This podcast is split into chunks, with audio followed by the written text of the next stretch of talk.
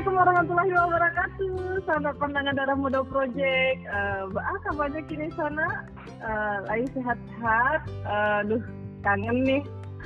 Kangen uh, mengudara bersama darah muda project karena uh, episode Iko adalah episode terakhir dari episode Manuel Indah Merusak bareng Ambo Ado Kori dan Ado Riri. Riri. Assalamualaikum Kori dan sanak pendengar di rumah. Waalaikumsalam. Aduh, menggelora ya Ria. Weh, harus semangat lah Kor, walaupun di penghujung kan. Tapi awak hmm. semangat dan tambahan informasi untuk hmm. itu sadonya. Mungkin ke depan itu kita ndak pakai ndak mau dekol ya doko.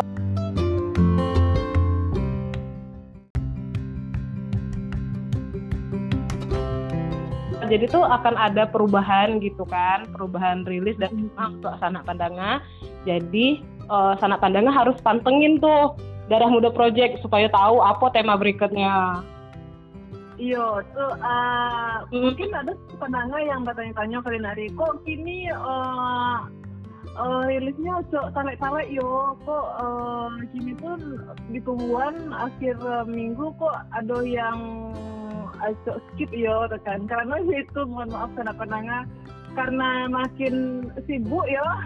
Iya. Makin sibuk deh, deh. Awak makin banyak tuntutan di lain hal kan. Akhirnya uh, Darah Muda Project nanti ke depannya akan rilis satu kali dalam dua minggu nari. Tapi iya. dalam skema season. Jadi tidak pakai tema-tema per bulan lah kan biasa kan per bulan tuh. Bulan Niko ada tema uh, misalnya kalau sini kan temanya alam bulan depan temanya kesehatan mental misalkan. Kalau kini tidak ada lain, mungkin dalam enam bulan ke depan uh, temanya temanya akan sama. Ada jadi namanya kan ada season.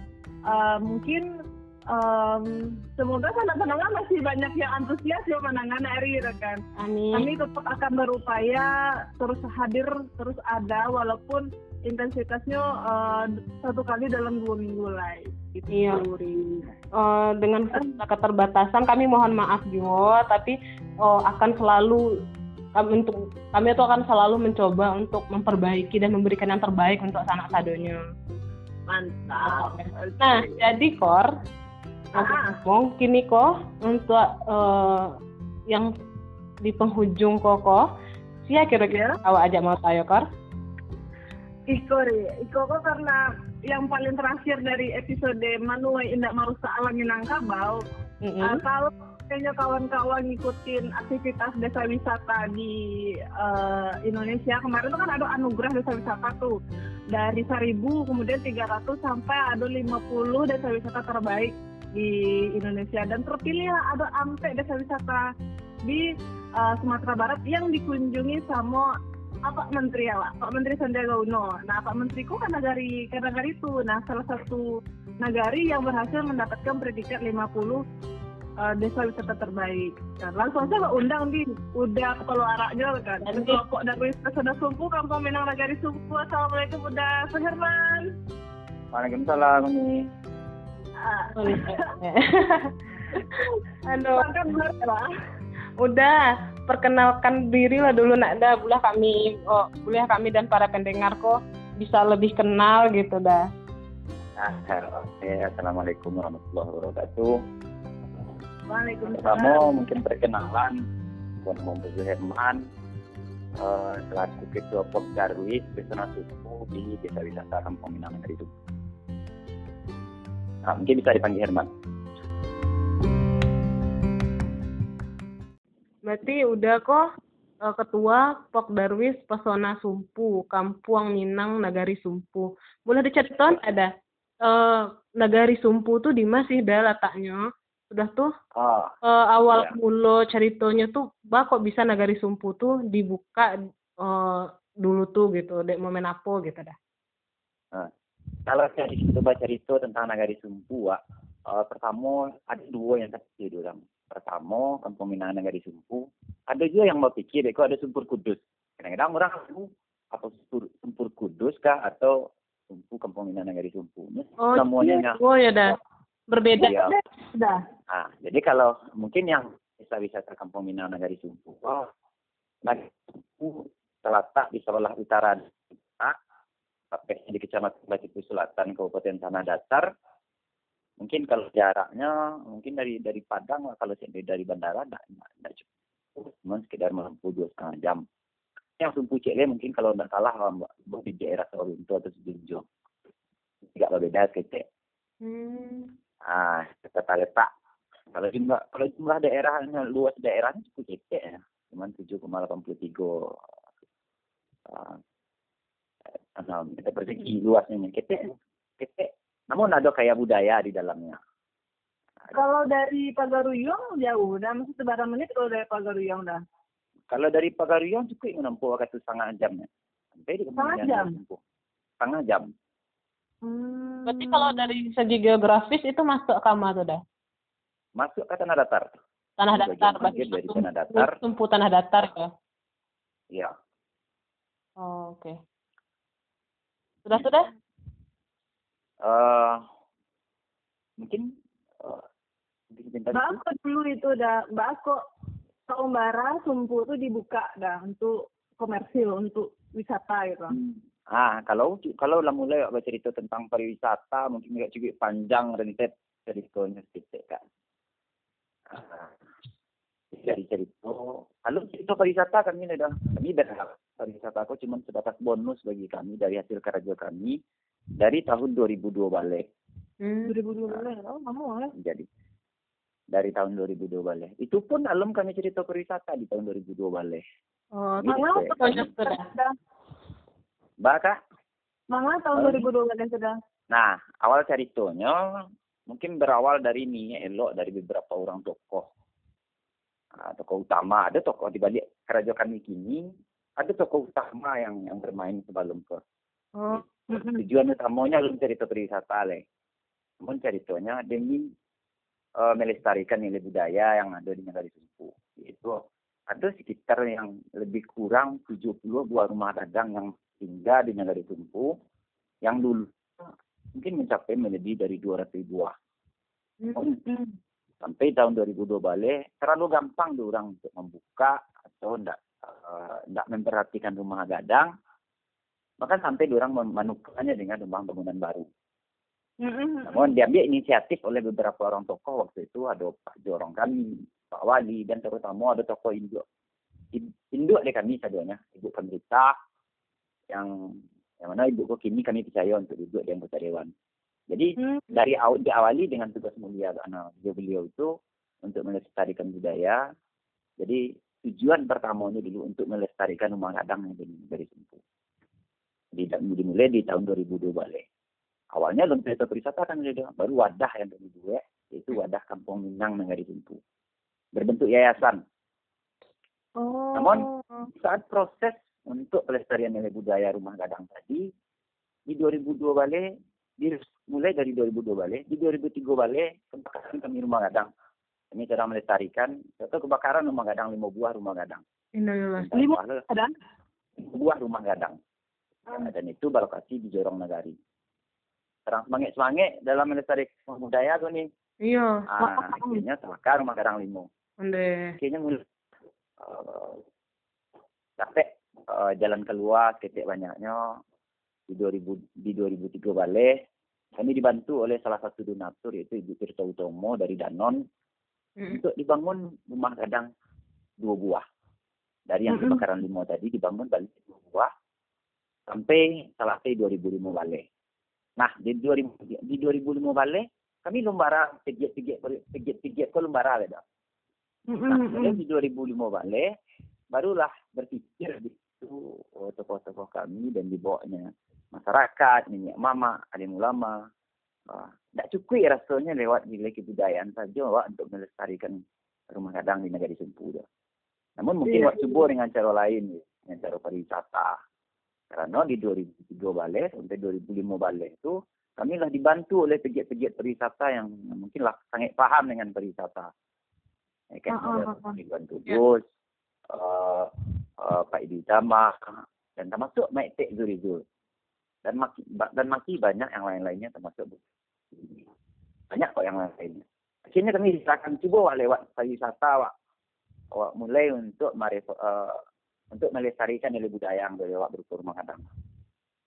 Akhirnya di dua bulan kami mulai kakak mulai cerita. 2000-an balik ada. 2006 balik mau wisata bo uh, untuk menuju ke arah wisata le. Undang lah tiga-tiga wisata yang tiga senior.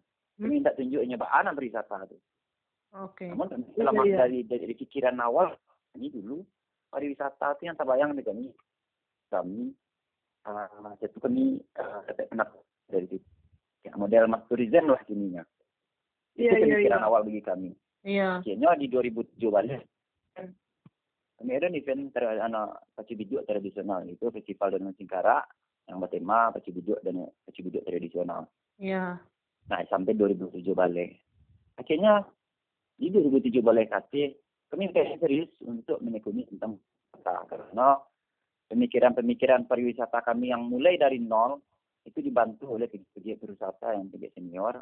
Akhirnya kami serius untuk cerita pariwisata. Makanya kami kukuhkan di 2009. Nah, di 2009 balik akhirnya kami kukuhkan kawan-kawan yang kami kumpulkan tadi. Uh-huh. Kami kumpulkan awak bulan lapok darwis leh.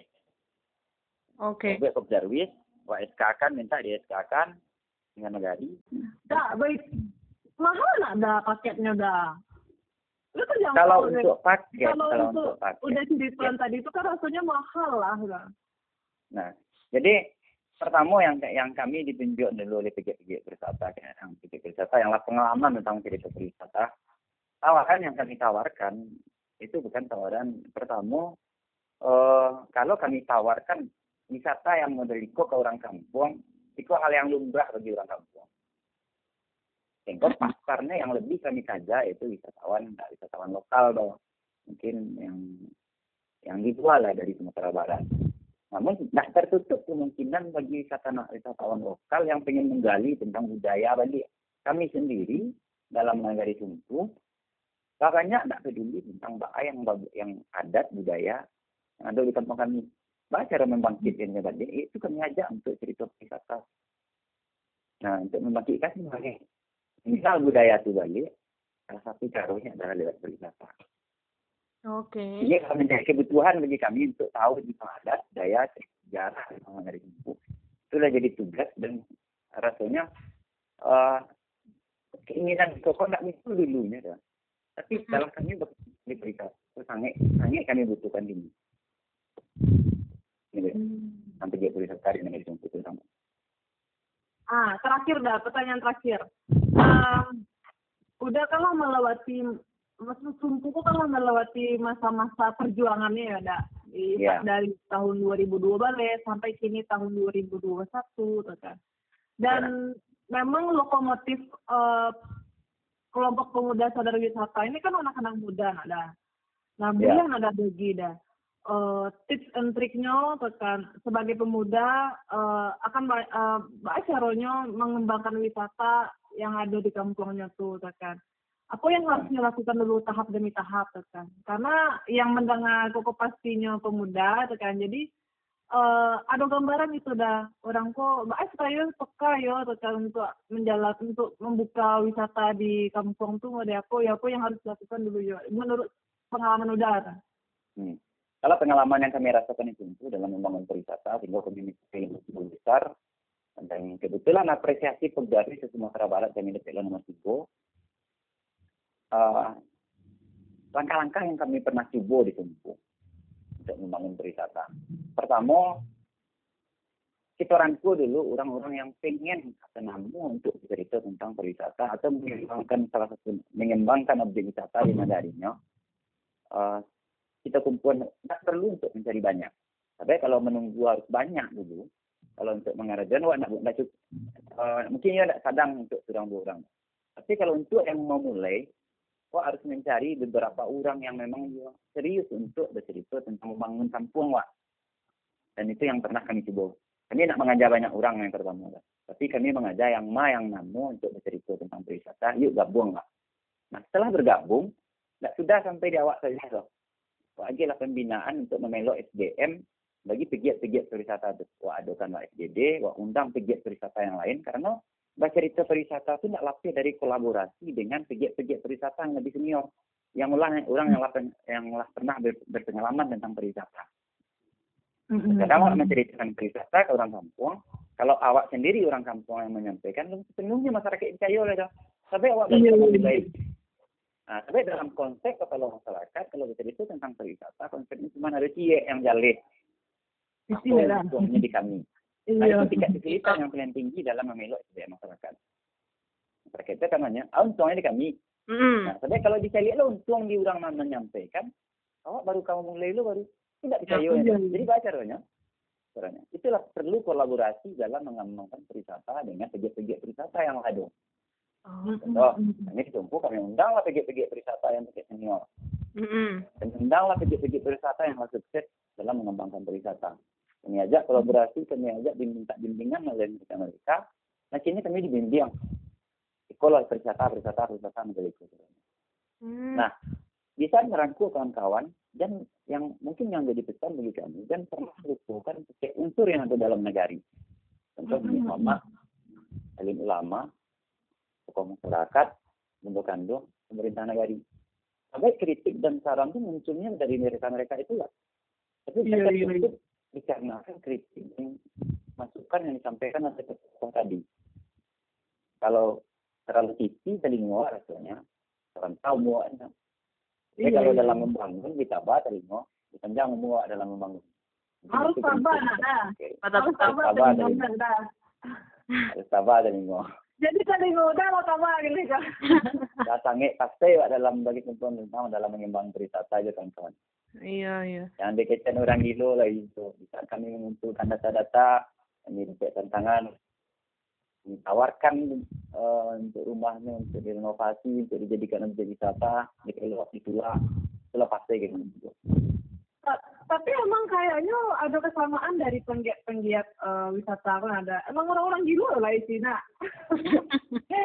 ada kami pernah pasan dan bekerja Ah. dengan Maete Zurizul, mungkin kenal dengan Maete Zurizul, uh, ah. dan termasuk uh, pegiat-pegiat wisata yang lain. Kan beliau yang kami pasti apa. Ah, ah. Kamu tuh kalau membangun pariwisata di negara Sumpu, pesan gue cuma satu gitu. Mau tidak terlalu banyak dong. Mau tidak terlalu nyepeo dong. Yang mau bukan ada kurang orang orang gila di Sumpu kok. Ah, ah. Itu orang yang akan mau mulai pariwisata. Iya, iya, iya. Alhamdulillah kami merupakan bagian dari orang-orang Gilo yang disebutkan ada sekitar lebih kurang 15 orang yang kebetulan dari saya sebagai ketuanya dan dari sekian banyak yang kami kumpulkan tadi ada lima kali sampai 20 orang tadi itu pun yang berkecimpung lebih dalam yang jadi orang Gilo yang lain enggak lepas tuh Iya, iya, iya. jadi pionnya enggak lepas adonya cuma beberapa orang termasuk mungkin termasuk salah satunya nah kalau lah cerita tentang pariwisata eh mulailah Wak eh bercerita tentang pegiat pariwisatanya. Kalau cerita pariwisata wak orang dinas, cerita pariwisata aja pegiat pariwisata yang tinggi-tinggi senior. Tapi yang seniornya dia ada pegiat pariwisatanya di daerah wisata tuh. Atau dia ada pegdariusnya di situ. Pasti Iya, iya, iya. Ah, nah, makanya kami serius di 2009 balik kami coba kumpulkan kawan- kawan-kawan. Wak buat lah pegdarius, wak SK kan lah pegdarius eh, di 2009 balik. Namun ada sareknya dalam membentuk pariwisata, membentuk pegdarius itu tadi. Itu yang wak sampaikan sama kawan-kawan yang lain. Namun enggak tergabung dengan komunitas pegdarius pegiat pariwisata. Jadi syaratnya, apa syaratnya?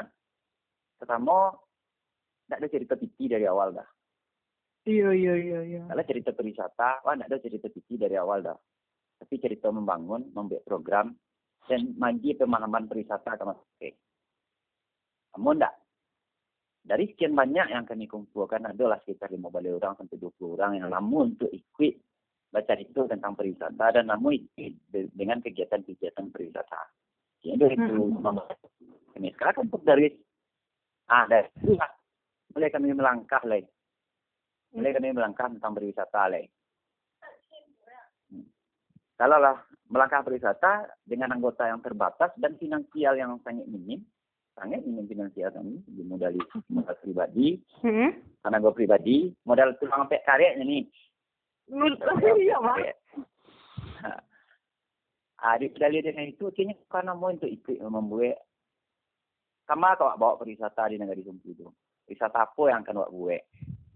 Oh iya. Nah, nah, sebab dalam pemikiran kami pariwisata itu eh bakal mendatangkan orang ramai yang objek objek wisata wak wak wak, wak rumah objek wisata dan orang datang dan wak dapat PT wak bisa jual kartis itu yang terpikir kami Oh, kamu awal-awalnya masih yang itu ya, Daya? awal awal awalnya masih yang model itu Namun belakangan kami pikir kalau kami buat dengan konsep mas tourism, wisata massal, rasanya kalah bersaing kami.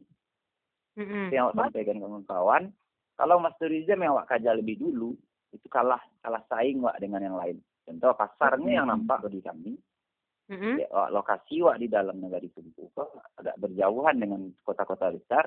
Nggak semua agak di Jawa, di Jogja ada. Oh, Iya, iya. Pasarnya wak cari dulu.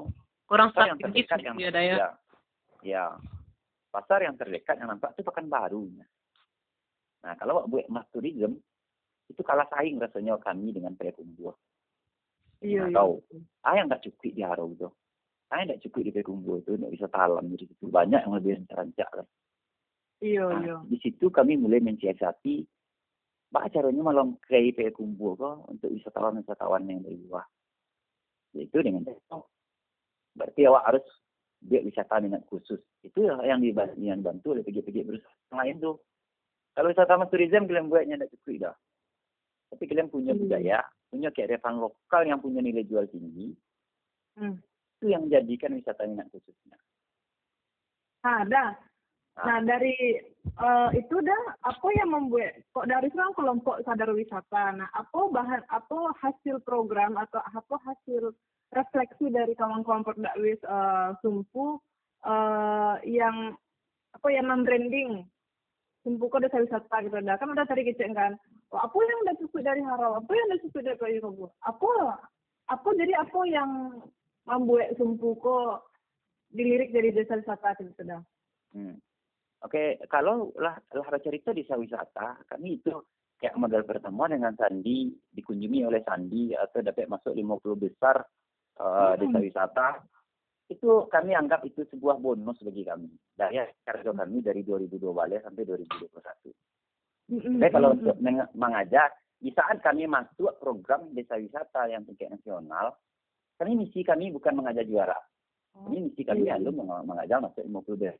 Dia yang nggak punya keinginan untuk dapat yang terbaik, pasti Iya, nggak iya. punya keinginan. Nah, Iya. tapi misi kami di dalam masuk program itu, masuk anugerah desa wisata itu, misi kami yang pertama dapat kesempatan kami untuk melengkapi apa yang kurang di kami. Mm-mm. Yang kedua, tahu kami di mana tak kekurangan kami eh, dalam membangun cerita berwisata desa wisata. Itu tujuan pertama bagi kami ya. Namun alhamdulillah eh, dapat kepercayaan kami untuk nominasi 50 besar. Jadi ikut Iya. kami anggap itu bonus bagi kami di hasil kerja kami selama waktu. Dan yang ketiga tujuan kami waktu memasukkan itu, kami berharap seandainya kami terpilih masuk nominasi, walaupun kini sebatas nomin- nominasi 50 besar, ini- itu kayak model bentuk bentuk apa namanya Eh, bentuk pembuktian bagi kerja kami selama waktu yang dianggap remeh. Oleh itu masyarakat atau pemerintah ataupun pemerintah daerah yang seolah kami kami merasa kami tidak diperhatikan sama pada kami eh, akan ada yang dikecilkan kami kurang dulu ada kekelian kerajaan kok ah, untungnya dikecilkan kok. Iya iya iya iya iya. Nah, jadi kami ingin buktikan iko loh kerja yang selama kau yang tujuan kami menjadikan pariwisata kau menjadi salah satu sumber ekonomi yang ada di negara itu. Itu tujuan mulia yang kami yang kami sampaikan dan iko buktinya dari pencapaian kerja kami selama kau. Alam cukup kah pembuktian kami? Kan itu yang kami balikkan pertanyaan itu ke setiap setiap bulan. Mm-mm. Oh, iya iya. Susah loh dah masuk 50 50 besar tuh kan. Maksudnya adalah apa yang teman-teman kok Darwis tuh bungkus di di di Sumpu tuh dah. Apa Nah. yang membuat kawan-kawan tuh bisa masuk 50 besar tuh? Hmm. Karena menurut penilaian kami dan beberapa masukan, faktor yang membuat kami masuk, kan ada kami lolos sampai ada apa Iya. Priaman, Iya iya iya. dari Banyak maksudnya dari kan? Sarugo dan Belanado dia di, di, di Kabupaten Agam. Kami beda-beda karakter, beda-beda karakter. Mm-mm. Terutama antara kami dengan Apar Priaman. Kalau Apar Mm-mm. Priaman, eh, mereka mungkin lebih lebih ke arah konservasi eh, lingkungan alam Mm-mm, mm-mm. yang lebih banyak. Kalau bagi kami dan yang tadi Kampung Serugo, kami lebih, lebih ke arah baa konservasi kebudayaannya, budayanya. Baa menjaga nilai budayanya kami angkat. Tapi tujuan utama pariwisata kami bukan merusak budaya kami, namun kami pengen melestarikan dan membangkitkan kembali budaya-budaya kami yang selama kala hilang itu. Nah, kami takut hilang budaya yang dari Sumpu kok. Mm-mm. yang dari Sumpu kok akui kami rumah gadang kok murah tuh orang tuh buka itu yang kami lestarikan Iya iya iya. Jadi budaya- salah satu poin kami masuk 50 besar Jadi budaya yang dimunculkan kembali adalah rumah gadang itu dibuka untuk uh, wisata ya Dayo. Hmm. bukan dibuka Oke, no. gitu. Dari sekitar lebih kurang 200 rumah gadang yang ada di negara kok dulu Nah, ini cuma tinggal Ah. 70 dan berkemungkinan besar karena masyarakat tidak sadar itu punya nilai budayanya mereka akan gampang untuk membuka mengganti dengan bangunan yang kan sayang rasanya Jadi malah Iya iya iya. Ya. rumah gading tuh ya Daya. Nah, jadi tujuan awal kami dalam membangun pariwisata yaitu melestarikan rumah-rumah budaya kami. Dan sama Mm-mm. melestarikan kearifan lokal kami yang selama eh, masyarakat beranggapan panik menjago itu gampang, tapi hasilnya tidak do. Heeh. Nah, jadi kami coba buktikan ke masyarakat. Tujuan kami untuk minta dijago itu, ikolah, mudah-mudahan nanti. Jadi salah satu ekonomi bagi masyarakat. Pokoknya basis kami dalam menceritakan pariwisata di negara Sumpu, kami bukan yang kami kaja target pegiat pariwisata yang dapat untung. Namun tidak. Kami kaja adalah masyarakatnya, community tourismnya. Bahkan wisata itu yang masyarakatnya dapat merasakan untungnya dampak pariwisata ada. Mungkin lebih banyak untungnya masyarakatnya pada kami. baik. Iya iya dah. Itu yang kami alami di Sumpu. Jadi kami ada ada pernah dapat tantangan Mm-mm. itu tantangan itu di tahun 2006 balik oleh Pak Ridwan Tulus dan termasuk Metek Zulikur. Tantangan itu di ceritanya. Uh, kalian kayu dengan budaya, kalian kayu dengan kearifan lokal dan kalian kayu tentang cerita-cerita budaya yang ada di negara Kalau sepintas orang datang ke Sumpu, sepintas orang datang ke Sumpu, sama kayak sama kayak model celek kampung biasanya. Mm-mm. Nah, namun kalau lah tujuannya ke Sumpu bercerita, yang dicarinya nilai budayanya, kalian sangat kaya. Akhirnya diberi kami tantangan waktu itu oleh Pak Ridwan Tulus. Buat paket pariwisata, mengarajokan orang, namun kalian dibagi orang. Itu tantangan yang ada Tulus. Lalu Mengarajokan carut. tapi syaratnya ada dia aja. Syaratnya jangan kalian tawarkan ke orang kampung, enggak. Kalau kalian tawarkan ke orang kampung, ditampaknya kalau kalian itu. Tapi tawarkan ke Iya, orang iya. yang menengah kelas ke atas. Uh-uh. Nah, kayaknya dicoba gue.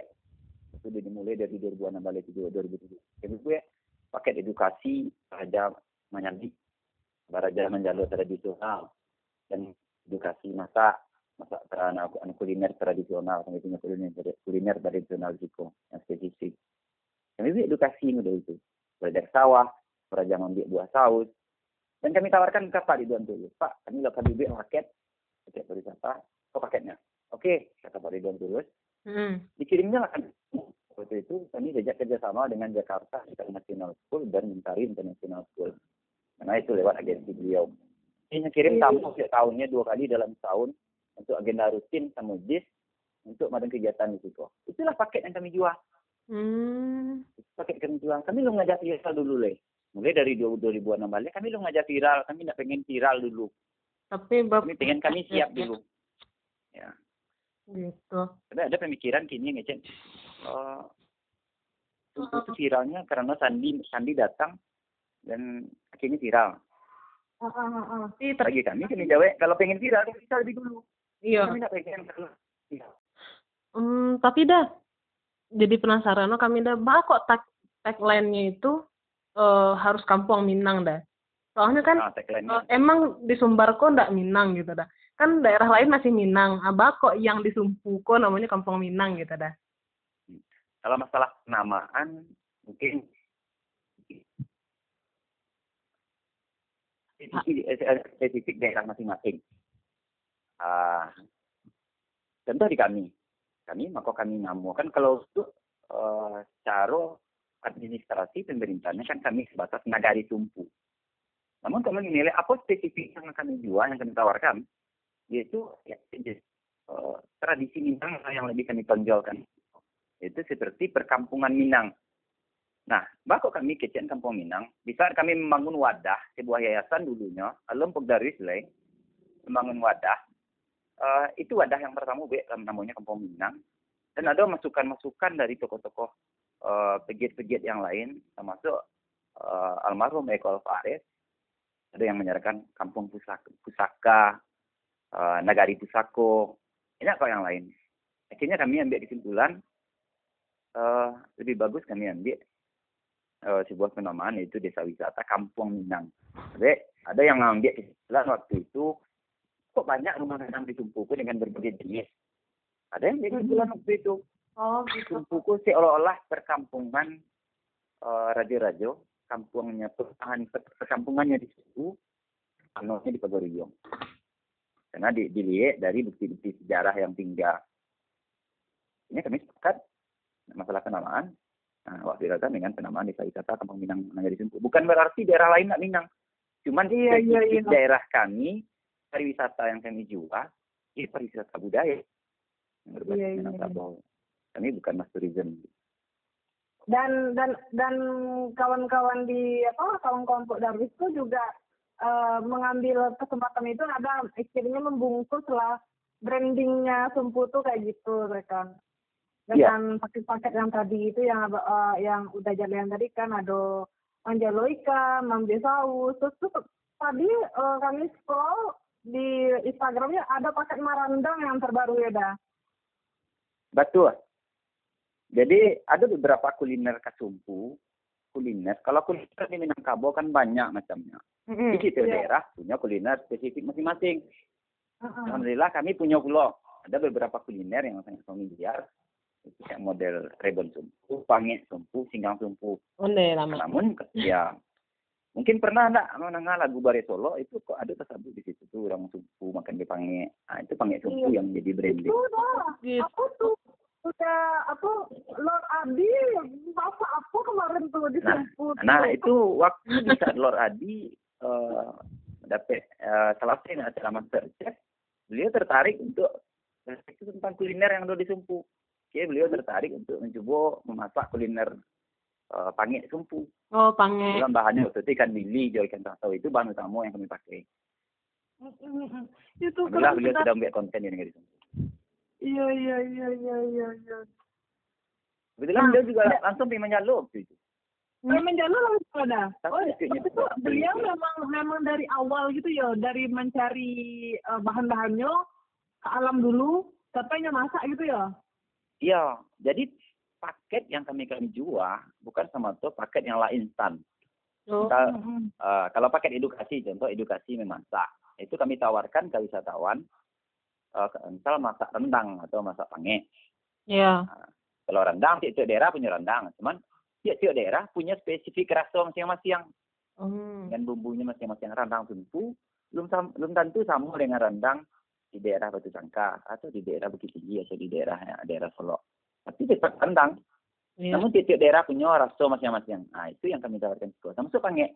Jadi pilihan paket yang kami tawarkan ke wisatawan yaitu bukan semestinya mau masak rendang kami balin bahan semuanya masak. Namun kami yang kami tawarkan eh, itu pasokan kuliner dan beraja dari awal. Beraja itu bukan sekedar beraja masak saja, tapi cari bahannya dari awal. Oh kok seandainya bahan itu para, ambil di para. Oh, kok bahan bahan pokok itu ada harus wak jalo dulu, wak jalo dulu. Ah. mm-mm, mm-mm. Kemudian kok tidak ada rasanya bahan itu yang ada di, di daerah sekitar rumah wak, pasti wak Bali, wak bawa bawa ke pasar. Itu ajak masak bersama-sama. Masaknya di daerah di rumah kadang. Oh, di rumah gadang. Ya, Aduh, keren. Aduh, pengen banget. Aduh, pengen ke Sumpu dah. nah. Nah, Beli silakan Mbak. Mungkin rasa penasaran. aku, tapi aku paket yang pas untuk cewek-cewek tuh Yoda.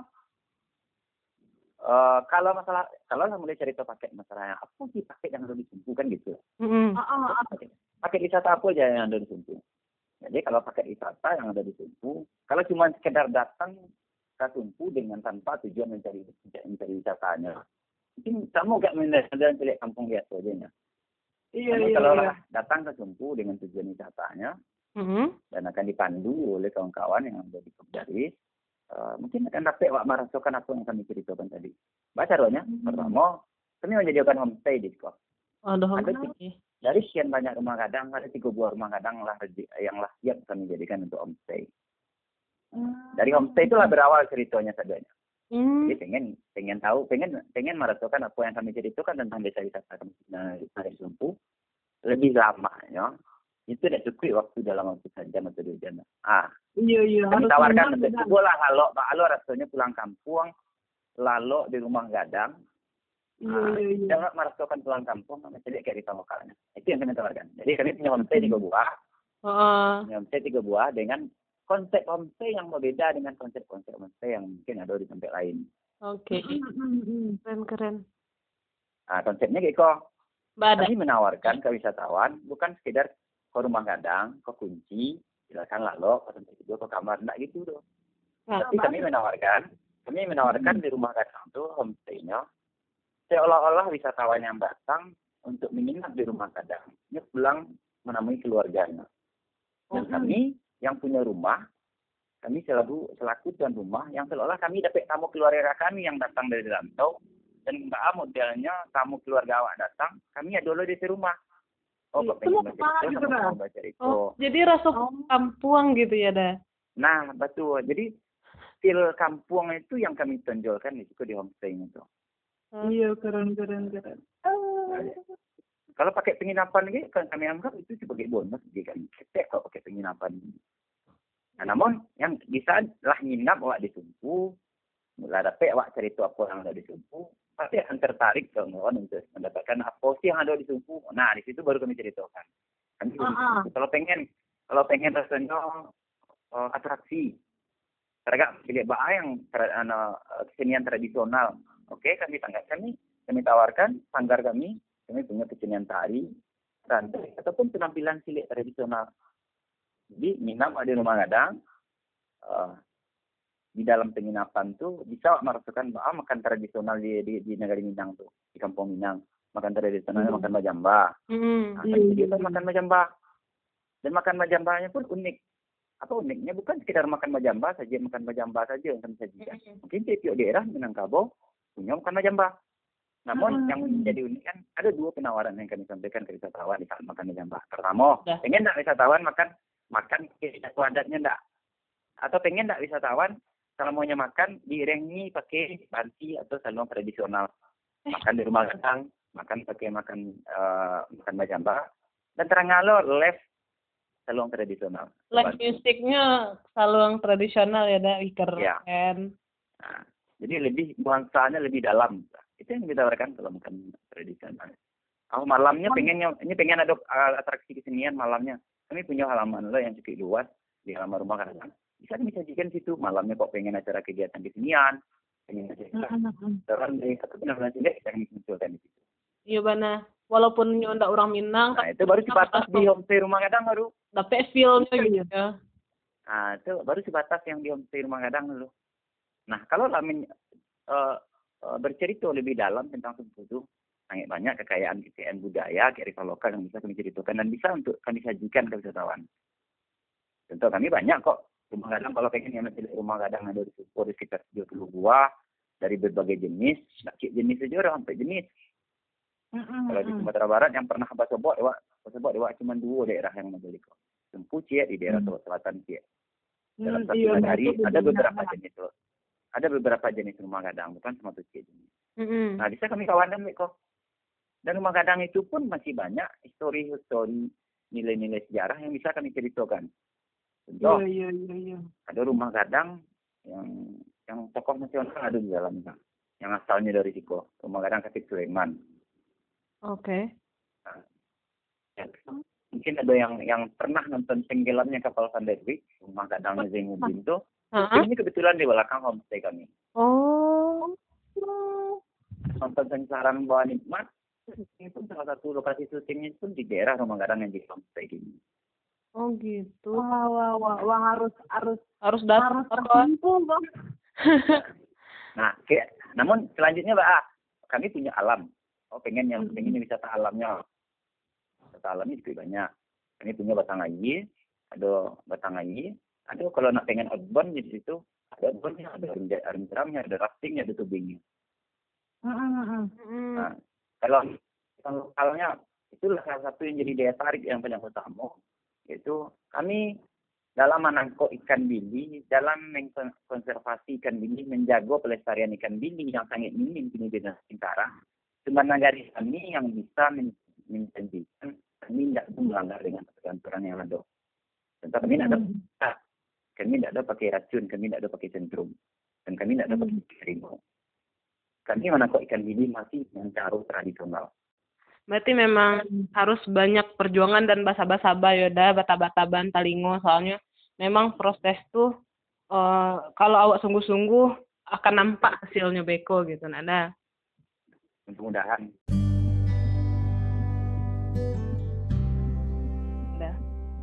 Iya benar lah ceritanya Riko Yokor. Rasanya tuh kayak tuh tapi mungkin dalam kalau kalau ingin tahu lebih dalam tentang sumpu ah, gitu kalau ada waktu silakan mampir ke sumpu jadi cerita sumpu silakan cari apa yang pernah kami ceritakan silakan buktikan langsung harus di sumpu harus rasa skor pengalaman di sumpu kok Pokoknya tunggu saya kedatangan kami di Sumpu ya dah. ah, kami tunggu. Kami, kami tunggu. Iya. Ah. Jadi di samping untuk membangun nagari, eh, Yubana bisa lo untuk membangun oh, Indonesia nak ada sejalan lah sama yeah. program pemerintah Yubana meningkatkan pariwisata dan ekonomi kreatif gitu. Iya betul. Bah kece udah buka lah mato kami mato anak muda sadonyo kalau roda ekonomi itu bisa apa puta kalau awak dan mamutanya surang gitu. Kalau ndak awak puta tuh ndak ndak ndak taputanya do kamu dia tujuh taruh. Bakor. Iya, iya, iya betul kayak gitu. Jadi ada dua tujuan utama dari kami dalam itu. Yang pertama, oh. yang lebih utama bagi kami itu melestarikan nilai budaya. Yang kedua, mm -hmm. kami punya mimpi.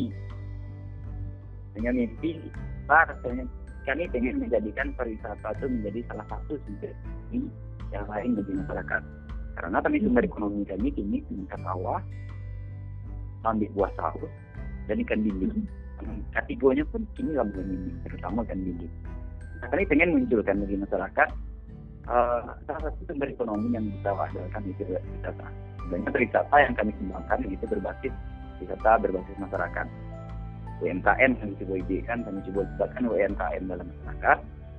Kami kami biar edukasi masa randang, kami biar datangkan tamu, butuh restoran masakan yang lebih banyak, kami libatkan masyarakat untuk memasaknya, kami libatkan hmm. masyarakat jadi talent untuk menjalurnya. Uh, mudah-mudahan menjadi tambahan Amin. gitu. Amin. Eh, makanya ya, emang gitu pemuda yang luar biasa ya pemuda yang seharusnya pemuda tuh memang kayak gitu nak ada kan. Sangat beruntung sebenarnya Tumpu tuh punya orang-orang gila kasih udah ada itu kan.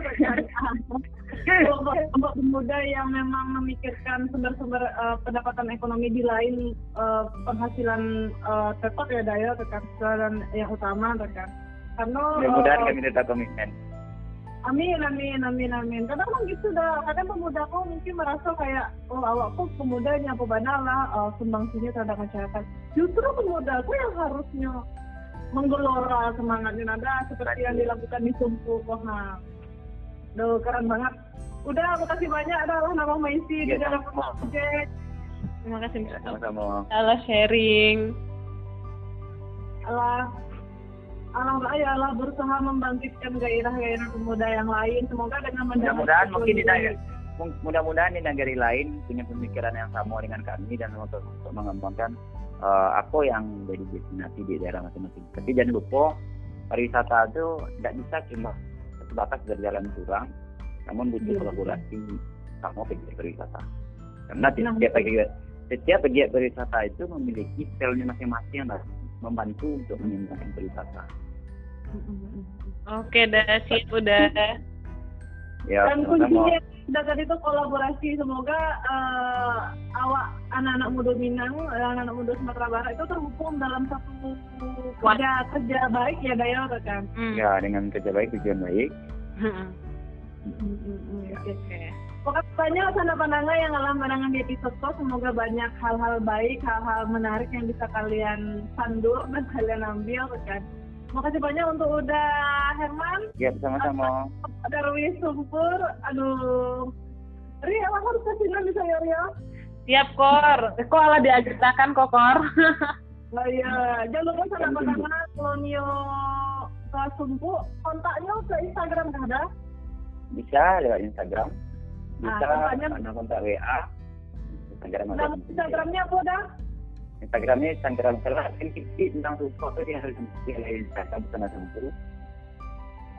Hmm, gitu. Jadi kontak langsung DM, DM atau kontak saya DM di bisa, di- kontak langsung bisa. Pesona Sumpu ada. Ya, itu sama sumpu. Ya, at Pesona Sumpu Sanak Penanga. Sampai jumpa di episode selanjutnya Sanak Penanga. Assalamualaikum warahmatullahi wabarakatuh. Terima kasih banyak udah. Terima kasih. Ya, sama-sama.